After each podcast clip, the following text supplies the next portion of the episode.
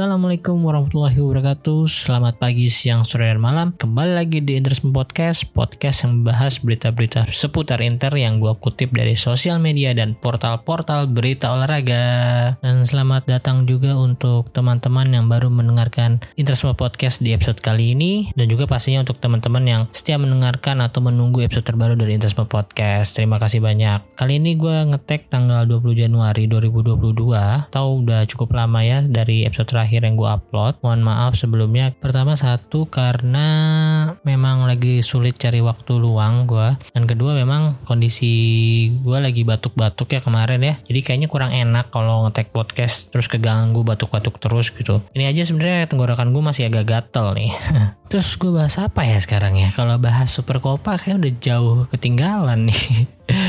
ya yang penting selamat untuk Inter dan kita semua. Gue juga sangat ya kalau kita bilang piala ciki sih enggak sih. Kita harus butuh juara liga dulu nih baru bisa juara si Super Copa ini. Jadi ini perjuangan teman-teman atau pemain yang sudah berjuang di musim sebelumnya juga ini. Jadi ini tinggal ya bonus lah bonus tambahan trofi. Dan ini juga trofi pertama Inzaghi di Inter kan. Jadi harusnya uh, bermakna juga bagi dia dan semoga bisa menjadi keran pembuka ke trofi-trofi selanjutnya ya. Fun fact-nya sih sebenarnya udah banyak orang bahas juga dan gue udah pernah ngetweet juga ini Simone Inzaghi menjadi pelatih yang tiga kali mencapai Super Copa dan tiga kalinya menang semua. Tiga kalinya juga melawan Juventus dua kali saat menangani Lazio satu kali saat menangani Inter Milan. Dan dua kalinya juga saat melawan uh, Max Allegri ya pelatih Juventus saat ini juga. Yang kemarin juga waktu uh, zaman Max Allegri yang kedua mungkin kayaknya zaman Conte dia menang Super Copanya Inter berhasil mengalahkan Juventus dari gol dramatis Alexis Sanchez di menit ke 120 lewat satu detik deh kayaknya. Seingatku sih gitu soalnya itu bener-bener udah udah habis sebenarnya ya. Cuman karena nggak ada perpanjangan waktu juga dan emang itu udah di depan gawang mau pasti mau nggak mau dilanjutin lah itu. Emang Alexandronya aja yang terlalu gegabah nggak ngebuang bola langsung. Dan terus uh, kemarin baru pertandingan kemarin dini hari tadi sih tepatnya Inter melakukan pertandingan pertamanya di Coppa Italia musim 2021-2022 melawan Empoli yang menangnya kali ini juga dramatis nggak kalah dramatis sih. Sempat tertinggal 1-2 walaupun di babak pertama unggul duluan 1-0 dari gol Alexis Sanchez. Lagi-lagi Alexis Sanchez semenjak lawan Bolonya eh sorry Bolonya Lazio jadi starter. Terus dia main bagus determinasi sangat bagus walaupun nggak nyetak gol itu cuman banyak peluang dan dia sangat efektif lah sering jemput bola dan macem-macem lah. Kali ini dia cetak gol melalui sundulan ya umpan dari Denzel Dumfries itu juga gue nggak tahu sih umpannya memang akurat atau nggak sengaja. Denzel Dumfries itu jadinya kan incar Darmian cuma Darmian nggak kena. Di situ di situ ada Sanchez. Dia berhasil mencetakkan gol sundulan mungkin ini yang keberapa ya sundulannya. Kayak nggak banyak Sanchez gol sundulan lagi saat di Inter. Kemudian di babak kedua Empoli berhasil menyamakan kedudukan oleh tendangan Bajrami. Kemudian hmm, membalikan keadaan dari gol Kutrone sebenarnya sih bunuh diri Radu sih apes banget Radu sekalinya main gol diri itu. Jadi mentalnya langsung eh jatuh lagi tuh kayaknya. Enggak sih harusnya juga nggak sengaja. Ini makanya Handanovic ini bener selama ini ternyata. Makanya kalau bola-bola gitu nggak usah diemin aja. Tuh kok coba Radu diem itu nggak bakal gol diri itu. Makanya Handanovic ini seharusnya menurunkan ilmunya eh, yang bagus-bagus gitu loh yang penting-penting. Kalau emang eh, dia kira bolanya akan kena mistar atau akan tinggi udah dengan gak usah lompat nggak usah bereaksi berlebihan dan santai aja ya enggak sih. Itu emang apa saja yang mantul ke punggungnya atau ke bagian belakang badan ya tandukan dari Kutrone. Itu kalau misalnya Empoli jadi menang itu Kutrone yang nyingkirin Inter di babak 8 besar lagi waktu itu. Tuh dia masih di Milan. Itu 8 besar apa? 4 besar ya? Jadi 8 besar sih kayaknya. Eh 8 besar ya benar ini kan- yang ini kan 16 besar ya babak kedua uh, selanjutnya babak 8 besar. Ya harus itu Kutrone yang menyingkirkan Inter untuk kedua kalinya. Kemudian ini yang dramatis sih. Di menit 91 kapten kita, seorang back bertumbuh jangkung, Andrea Ranocchia berhasil menyamakan kedudukan melalui tendangan atau ya tendangan sih, gol spektakulernya dari tendangan semi gunting lah. Itu volley gunting gitu terbang dia. Dan e, mengarah ke kanan sebelah kanan gawang dari Furlan. Kiper ini juga cukup bagus ya di babak pertama, babak kedua. Menahan berbagai serangan Inter. Salah satunya di babak satu yang gue inget tuh dari Lautaro tuh, ke, dia salah pasi passing bisa direbut Vidal terus Gagliardini oper ke Lautaro Lautaro tendangan kaki kiri memang nggak nggak ke pojok sih emang itu agak ke tengah mengarah nggak jauh ke tangan si Furlan. Terus kemudian bola ribon berhasil tendang lagi cuman masih bisa ditepis lagi. Nah, dia main bagus juga sih lumayan. Nggak kalah lah sama Vicario. Dan karena di babak 16 besar ini nggak ada atau hanya satu leg jadi harus dilanjutkan ke perpanjangan waktu. Sekali ini Inter nggak butuh ke golin di menit 120 cuman Sensi akhirnya berhasil cetak gol kembali untuk Inter setelah sekian lama ya terakhir. Kalau nggak salah ketika melawan Sampdoria itu juga kayaknya golnya dihitung oleh Alexis Sanchez ya yang waktu 2019 dia tendang dari luar kotak penalti kena punggungnya Sanchez terus gol. Harusnya sih dihitung Sanchez walaupun nggak sengaja. Kalau yang bener-bener terakhir itu seinget gue yang lawan Udinese tuh yang tan uh, sundulan yang tandingan kedua atau ketiga musim 2019-2020 itu Sensi belum cederaan tuh masih bagus-bagusnya dipegang Conte awal-awal. Nah akhirnya kali ini dia mencetak gol lagi hampir dari luar kotak penalti. Tendangan kaki kanannya berhasil mengarah ke kanan uh, gawang lagi kalau dari arah Furlan ya lagi-lagi sisi itu. Yang waktu gol Sanchez juga sisi itu sih. Jadi ketiga gol Inter tuh di sebelah ngarah ke kiri semua atau ke kanan kiper lah kalau dari arah sisi kiper. Nah akhirnya Inter berhasil menundukkan Empoli dengan skor 3-2 dan hampir aja Inter nggak lolos ya. Di babak 8 besar nanti kemungkinan Inter akan melawan Roma karena Roma kayaknya malam ini akan melawan Lecce ya atau minggu depan gitu. Gua nggak tahu jadwalnya Roma. Ya Roma lawan Lecce ya harusnya sih Roma lah ya. Se terpuruk-terpuruknya skuad Roma sekarang ya Jose Mourinho sih pasti akan bisa melewati hadangan skuad Lecce menurut gua. Dengan golnya Ranocchia dan Sensi semalam berarti uh, ini kalau menurut dari akun Instagram Inter IDN underscore ya uh, musim ini Inter telah berhasil menciptakan gol dari 20 pemain yang berbeda. Ini merupakan rekor di 5 liga besar Eropa musim ini. Nggak ada yang lebih dari 20 orang. Ini source juga dari Opta. Ya wajar sih kalau menurut gue ini karena uh, strategi Inzaghi ya menurut gue ini bener-bener deh kalau beberapa pertandingan terakhir atau memang semenjak dari pertandingan melawan Napoli sih seingat gue Inter main bagus. Kedua White CB-nya sangat aktif menyerang. Nggak mau tahu lawannya siapa entah itu Juve, Lazio atau Roma bahkan. Yang akhirnya Bastoni bisa sampai ke tengah sama D'Ambrosio juga sampai ke depan kotak penalti mereka berdua. Itu ada videonya ya. Yang nggak nggak nggak heran kalau back back Inter pun bisa uh, cukup produktif musim ini. Gue belum lihat jumlah pastinya sih berapa gol dari back cuman menurut gue sih banyak ya. Yang waktu pertandingan lawan Lazio aja golnya dicetak oleh dua back satu Ranocchia satu Bastoni. Ini jadi satu hal positif juga. Jadi pemain lawan mungkin akan bingung mau fokus ke mana nih jaga striker tapi gelandang kita juga produktif. Di sana ada Calhanoglu Barella yang bisa cetak gol dari luar kotak penalti. Terus dari back juga berbahaya. Bastoni kemarin lawan Lazio tenang dari luar kotak penalti. Apalagi uh, dari set piece juga membahayakan ya. Corner atau uh, free kick free kick. Itu berpotensi banget seorang back akan cetak gol dari situasi tersebut. Kemudian untuk ratingnya nih kalau dari semperenter.com yang terburuk itu ada Roberto Gagliardini, Matias Vecino dan Andre Ionut Radu Radu sih ya menurut gue nggak buruk-buruk banget sih. Ya cuman karena belum panas aja nih kebanyakan di bangku cadangan.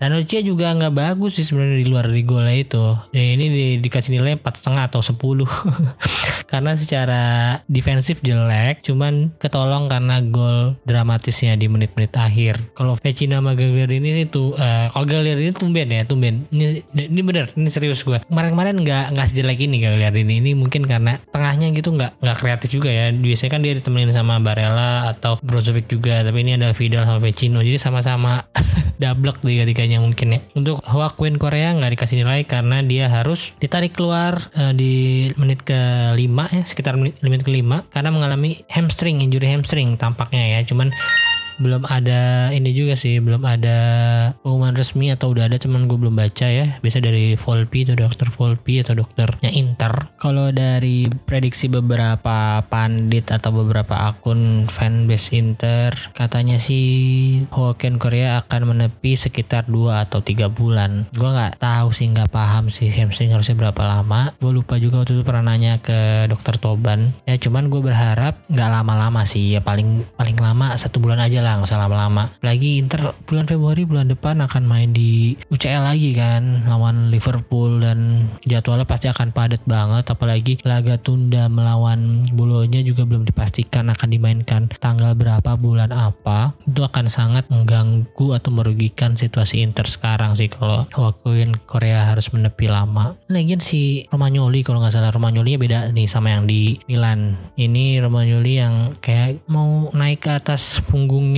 Korea nih. Kayak waktu si Luis Felipe. Gue ngerti sekarang kenapa Korea waktu si Luis Felipe marah. Dia takut cedera hamstring ternyata bukan karena nggak mau dicengin Untuk pemain terbaik di pertandingan kali ini menurut sempreinter.com adalah Stefano Sensi. Di sini komennya, hopefully start to turn around of his Inter career, especially now after Korea's injury. Show his class from minute he set foot on pitch. Dia main di menit ke 94 atau di awal-awal babak extra time yang pertama. Dia masuk menggantikan Lautaro Martinez yang sebenarnya juga main bagus ya, dikasih nilai 6,5 nih. Cuman lagi nggak hoki aja sih malam itu. Setelah Sensi Chelsea di bawahnya ada Alexis Sanchez yang mendapatkan nilai 7.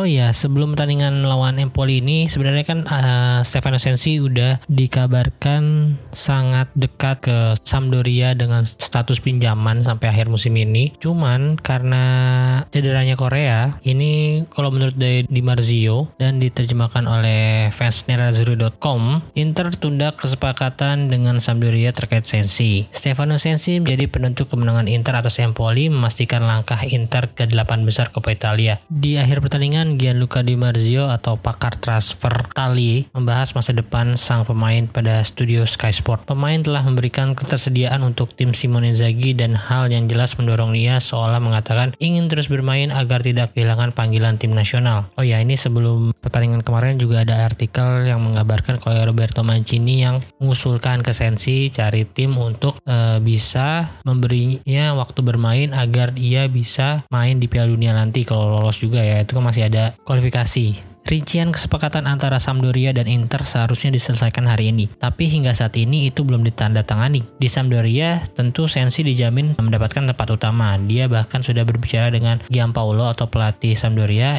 Sekarang Inter akan menunggu hasil pemeriksaan Hoakuin Korea terlebih dahulu. Inter ingin mempertahankan pemain setidaknya hari, sampai hari Sabtu untuk pertandingan melawan Venezia. Lalu ada jeda internasional dan ya kondisi Korea akan menentukan masa depan Sensi. Kalau begini ceritanya sih ya seneng gak seneng sih. Gue seneng kalau kalau Korea cederanya cukup lama Sensi akan dipertahankan. Dan menurut gue itu akan masih sangat bisa membantu di tim Simone Inzaghi sekarang ya walaupun hanya jadi pelapis. Cuman dia itu pelapis yang bagus loh berkelas loh. Sensi ini sebelum cedera emang uh, salah satu main Inter yang kreatif sebenarnya. Sebelum ada Celanolo dan Barella ya Sensi yang sedikit bisa menggendong Inter waktu itu. Di sisi lainnya kalau cederanya Korea lama ya gak enak juga gitu. Jadi serba salah nih mau Korea cedera lama apa sebentar nih Karena untuk bursa transfer kali ini sih kabarnya dari artikel yang udah banyak beredar juga Inter nggak akan mendatangkan pemain baru kalau nggak ada pemain yang keluar. Serba salah kan? Pemain yang kita pengen keluar justru nggak ada tawaran. Sebenarnya ada tawaran justru justru ada beberapa tawaran kan kalau dari kabar-kabar transfer uh, pakar-pakar transfer Italia juga. Cuman si pemain yang bersangkutan menolak. Gua nggak mau sebutin siapa. Inisialnya MV. Aduh dia nolak loh ditawarin klub Brazil atau klub Argentina gitu ditolak. Maunya main di mana sih? Kalau menurut kalian gimana? Apakah kalian ingin tetap mempertahankan Sensi atau udahlah biarin Sensi mungkin karena cederanya uh, potensinya juga terhambat mendingan Inter cari pemain baru yang seenggaknya bisa terus tersedia ketika dibutuhkan. Kalau menurut gua sih yang akan terus tersedia dan bisa dibeli oleh Suning saat ini sih nggak banyak ya nama-namanya ya. Fratelli aja itu udah dibanderol Sassuolo mahal. Terus mau ngincer siapa yang gratis gratis? Kayak Casey itu musim depan itu pun gajinya tinggi. Siapa lagi? Jalan Inter. Gue jujur kalau sekarang pesimis sih Inter akan mendatangkan pemain baru di bursa transfer kali ini. Ya paling yang bisa dipinjem-pinjem doang atau pemain-pemain grade B, grade C sih, bukan pemain penentu atau grade A yang bisa langsung mempengaruhi squad Inter saat ini. Wah, menurut gue sih kalau nggak ada pemain yang didatangkan itu juga udah cukup sih. Maksudnya bisa mempertahankan squad yang udah ada ini udah cukup baik ya. Sejauh ini, sejauh ini, sejauh paruh pertama sih udah oke okay menurut gue saat ini Inter posisinya lagi di peringkat pertama dengan satu tabungan game melawan Bolonya terus di UCL lolos di Copa masih lanjut. Ini sih udah oke okay, cukup oke. Okay. cuman ya nggak tahu ke depannya karena jadwal juga akan akan semakin padat karena ada tambahan Copa minimal satu sih. Kalau idealnya idealnya menurut gue satu di masing-masing posisi ya. Satu di back satu di gelandang satu di striker. Backnya juga ini yang multifungsi kayak di Marco menurut gue ya. Di Marco kan bisa main di back white CB di belakang sama di LWB ya kalau bisa sih yang begitu juga. Tapi tapi yang memang urgency karena back Inter atau di posisi kiri ini hanya hanya Perisic yang cukup oke. Okay. karena di Marco juga beberapa kali di posisi itu belum bisa sebagus Perisic. Dia juga lebih diplot ke posisinya Bastoni. Karena Kolarov cederaan hulu dia kabarnya mau pensiun malah akhir musim ini. Dan mau maunya jadi asisten pelatih Inter. Enak bener lo baru bermain berapa musim langsung mau posisi di Inter. Salim dulu lo lewatin board Valero dulu tuh. Selain itu kalau untuk transfer winter musim ini. Yang terbaru mungkin si Mönchengladbach meminta Inter uh, membeli Matias Ginter sekarang nih. Nggak nggak dia nggak mau kehilangan Ginter secara free musim depan. Terus dia nawarin uh, bayar 5 juta euro aja kalau transfernya sekarang juga. Ya flash sale nih flash sale. Karena ya kayak sebenarnya kayak Erikson ya. Erikson juga waktu itu kan sebenarnya mau didatangkan gratis saja cuman Conte sih yang minta mungkin ya uh, agak urgent sih jadi minta di tengah musim. Kalau menurut gua sih kalau cuma 5 juta ya sikat aja sekarang. Masa sih Suni nggak punya duit 5 juta loh? 5 juta doang loh. Karena ya untuk melapis kabarnya kan untuk melapis the fridge ya. The fridge itu di tengah. Cuman masa ya dia nggak bisa main di kiri atau kanan? Kalau misalnya dia bisa main di kiri kan lumayan. Jadi ya kalau nggak D'Ambrosio lah yang di kiri. D'Ambrosio bisa di mana aja dia mah. Mau di RCB LCB RWB LWB bisa semua ada pokoknya dia. Main serba bisa jadi RCB yang dari pelapisnya LCB si D'Ambrosio dia yang pelapis kanan pelapis Skriniar juga oke okay lah.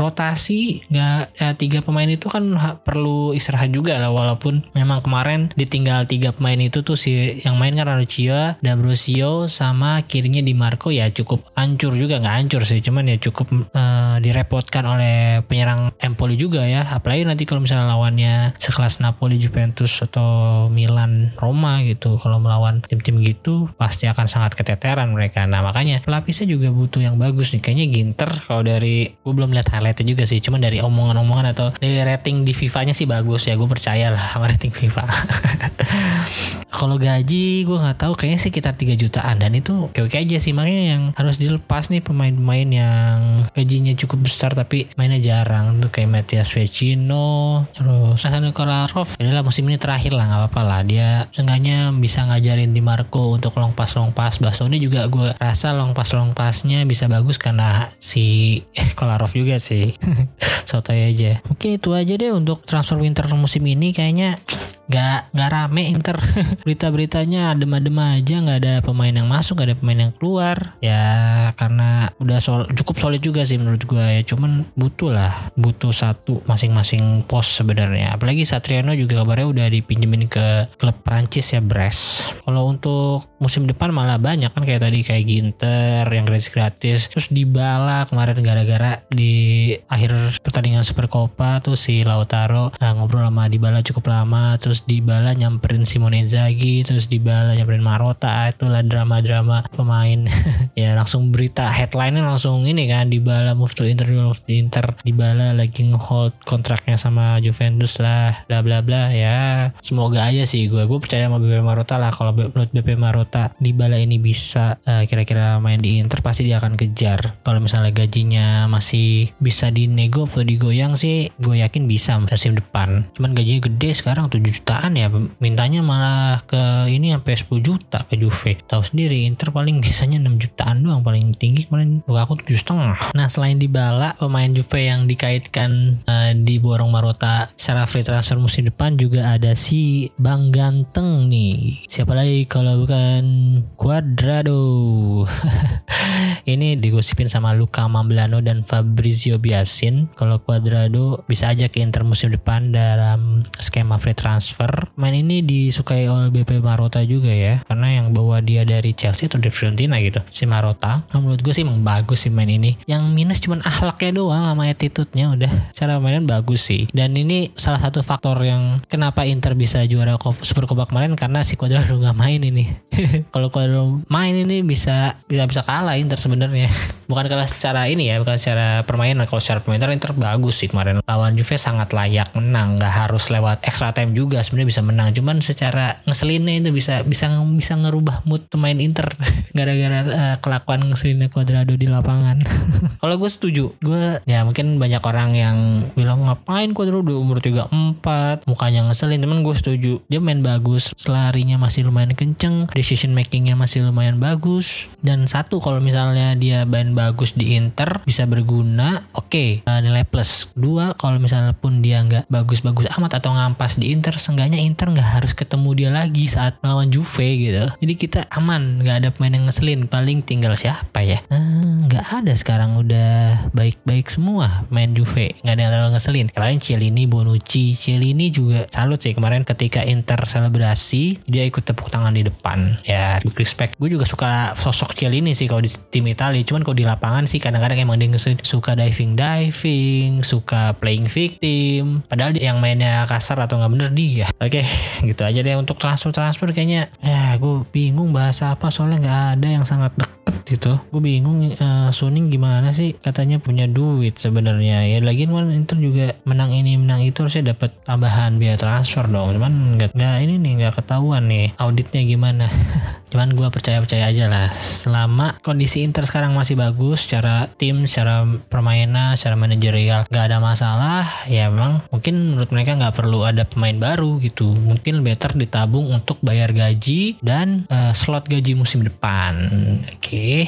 Percaya kalau BP Marota, Koko Steven Zhang akan melakukan yang terbaik untuk Inter saat ini dengan kemampuan mereka saat ini. Oke okay, next. Pertandingan Inter selanjutnya akan melawan Venezia di Sabtu malam atau Minggu dini hari. Kalau nggak salah di jam 00.00 ya coba gue cek bentar. Ya betul. Di Minggu jam 00.01 lah. Kalau 000 bingung nanti. 0001 kan melawan Venezia. Kali ini di kandang Inter ya. Kalau yang kemarin kan udah Inter bertandang ke Venezia pakai kapal. Nah cuman ini kabarnya tim Venezia sudah uh, mendapatkan beberapa pemain dan staffnya positif positif COVID. Kalau menurut Inter IDN underscore nih, Venezia udah mengumumkan 8 pemain dan 6 staff mereka yang udah positif. Kalau tambah satu lagi aja satu pemain yang positif uh, sudah dipastikan pertandingan Inter lawan Venezia akan ditunda karena peraturan FIGC kemarin udah gitu ya udah menyebutkan kalau minimal ada berapa pemain ya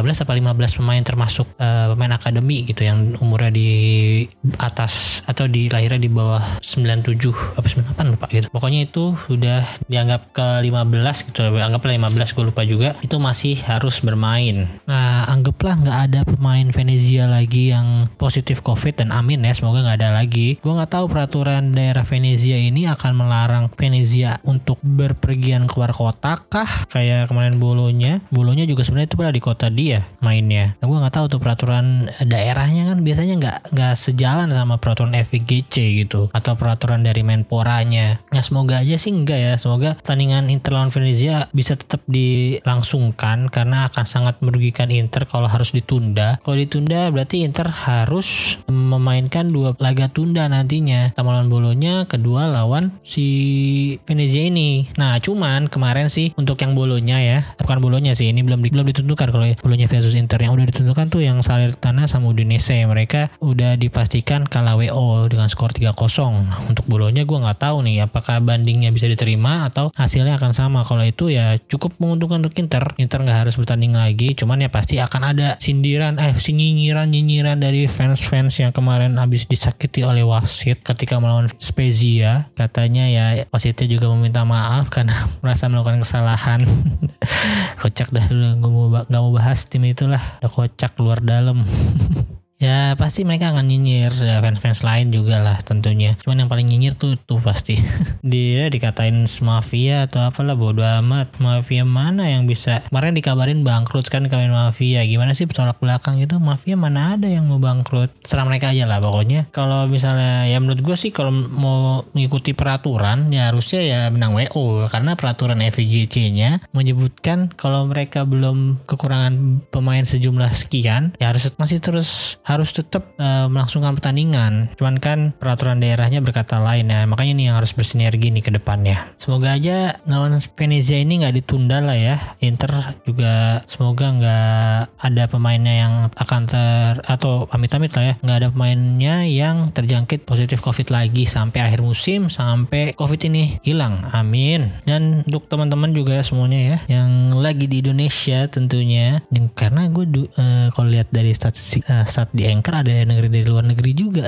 Kayak kaget juga juga siapa ya yang negeri dari luar negeri? Kepencet atau gimana ya jadi semoga kalian teman-teman tetap sehat-sehat stay healthy karena ya kabarnya ini udah ada beberapa lonjakan lagi ya di beberapa daerah untuk kasus covidnya. Mungkin karena yang omikron omikron kemarin itu gue harap kalian tetap menjaga protokol kesehatan untuk teman-teman dari ICI daerahnya masing-masing yang mengadakan nobar di diperketat lagi prokesnya. Untuk dari diri masing-masing juga kesadarannya ditingkatkan lagi. Semoga ini nggak akan jadi gelombang baru ya. Ini prediksinya akan jadi gelombang baru sih Februari atau Maret ini. Semoga itu salah prediksi dari uh, banyak orang. Semoga itu nggak akan terjadi uh, agar kita bisa nonton sepak bola atau olahraga lainnya dengan tenang gitu. Nggak ada kasus tunda-tunda lagi kayak gini. Akan mempengaruhi banget sih untuk semua tim sih nggak cuma Inter doang. Oke gitu aja deh pokoknya Terima kasih untuk teman-teman yang udah